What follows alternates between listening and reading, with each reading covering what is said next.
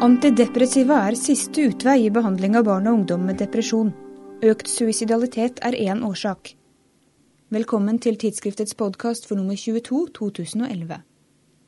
Også barn og ungdom kan rammes av depresjon. En nylig publisert undersøkelse blant norske 15-åringer viste at drøyt 4% hadde en depresjon, mens drøyt 11% hadde vært deprimert en eller annen gang i livet. Det forteller professor emerita Berit Grøholt. Hun har skrevet en artikkel om medikamentell behandling av depresjon hos barn og ungdom, der hun understreker at antidepressiva ikke virker på samme måte på små kropper som på store. Altså, hos barn så er effekten lavere enn hos ungdom. Hos ungdom er lavere, så er den lavere enn hos voksne. Men allikevel så er, er, effekten ganske god. Altså I en, to studier så, viser, så ble en ca. 60% bedre eller mye bedre etter eh, en del måneders behandling. 20 blir ikke bedre. Men til at det er såpass, eh, hovedgrunnen til at det er såpass svak eh, effekt, er at det er så veldig god effekt av placebo. Så den absolutte effekten er god, men den relative effekten er dårlig i forhold til ja, juksemedisin. da. Man bør være tilbakeholden med å gi medikamenter som påvirker sentralnervesystemet til unge med en hjerne i sterk utvikling, sier Grøholt. Samtidig anbefaler alle internasjonale retningslinjer hun kjenner til, bruk av medikamenter til denne pasientgruppen, fordi effekten tross alt er god. Det det av og til syndes mot, også i Norge, er at medikamenter kun i ekstreme tilfeller bør være førstevalg. Ja, det første valget er at man snakker med den det gjelder og familien, og gir informasjon om depresjon og litt om hva som hjelper på, i livsstil. Altså regelmessig livsrytme, nok søvn, eh, aktivitet, gå turer. En hel del sånne ting hjelper. Og det, de rådene er ganske viktige og hjelper en god del.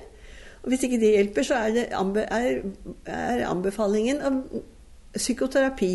Og da er det først og fremst eh, kortvarig strukturerte behandlinger som er undersøkt, som vi vet har effekt. Så det er det som, som, som anbefales som andre behandling. Og hvis ikke dette fører fram, da anbefaler man eh, medikamentell behandling. Og ofte da i, i kombinasjon med de andre behandlingene som jeg nevnte. Bruk av psykofarmaka hos barn og unge har vært gjenstand for medienes kritiske søkelys. Økt suicidalitet er en potensiell bivirkning, noe som skremmer både de unge pasientene og foreldrene deres. Av seks aktuelle SSRI-preparater er det to som skiller seg negativt ut. Altså Man bør ikke bruke Paroxetin. Det er det stor enighet om at dette har ikke effekt hos barn og unge. Og når det gjelder Venlafaksin, så har den nok effekt, men det har også mange bivirkninger. F.eks. økt suicidalitet. Så der må man være tilbakeholden med å velge det medikamentet. Og hvis man velger det, er det nødvendig med en veldig tett oppfølging. Et medikament skiller seg imidlertid positivt ut fluoxetin. Det er egentlig det eneste medikamentet som har vist i alle undersøkelser bedre effekt enn placebo. Det er et medikament som virker ganske langsomt. Og det er nok eh, ikke alle som har hjelp av det. Og de som ikke, eh, hvis ikke det har effekt, så kan man prøve citalopram eller eh, sertralin.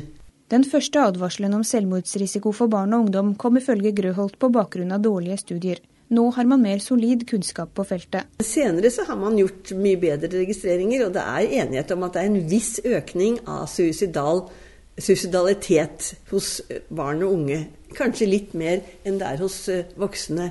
Det dreier seg om veldig sjelden om selvmordsforsøk. Og det har ikke beskrevet noen selvmord, så det dreier seg mest om at man tenker dystre suicidale tanker. Det fører til at man må informere om den faren. Informasjonen bør gis uavhengig av hvilket legemiddel pasienten får. Medikamentell behandling skal uansett aldri være eneste behandlingsmetode, og behandlingen bør følges tett av spesialisthelsetjenesten. Altså det å gi medikamenter for en depresjon til et veldig ungt menneske, det er egentlig en ganske stor inngripen i et menneskes liv. Og Derfor syns jeg at, eh, at, man bør ha en, en grundig undersøkelse før man gjør det. Og, og, og, Legemiddelverket og jeg anbefaler at man kontakter spesialisthelsetjenesten hvis det er personer under 16 år iallfall. Og at man, når man starter disse medikamentene, følger opp som om det skulle vært et lite forskningsprosjekt med en familie, en ungdom og en eh, behandler som forskningsteamet. Du kan lese mer om dette i Grøholts artikkel i tidsskriftet nummer 22. Jeg heter Eline Feiring. På gjenhør.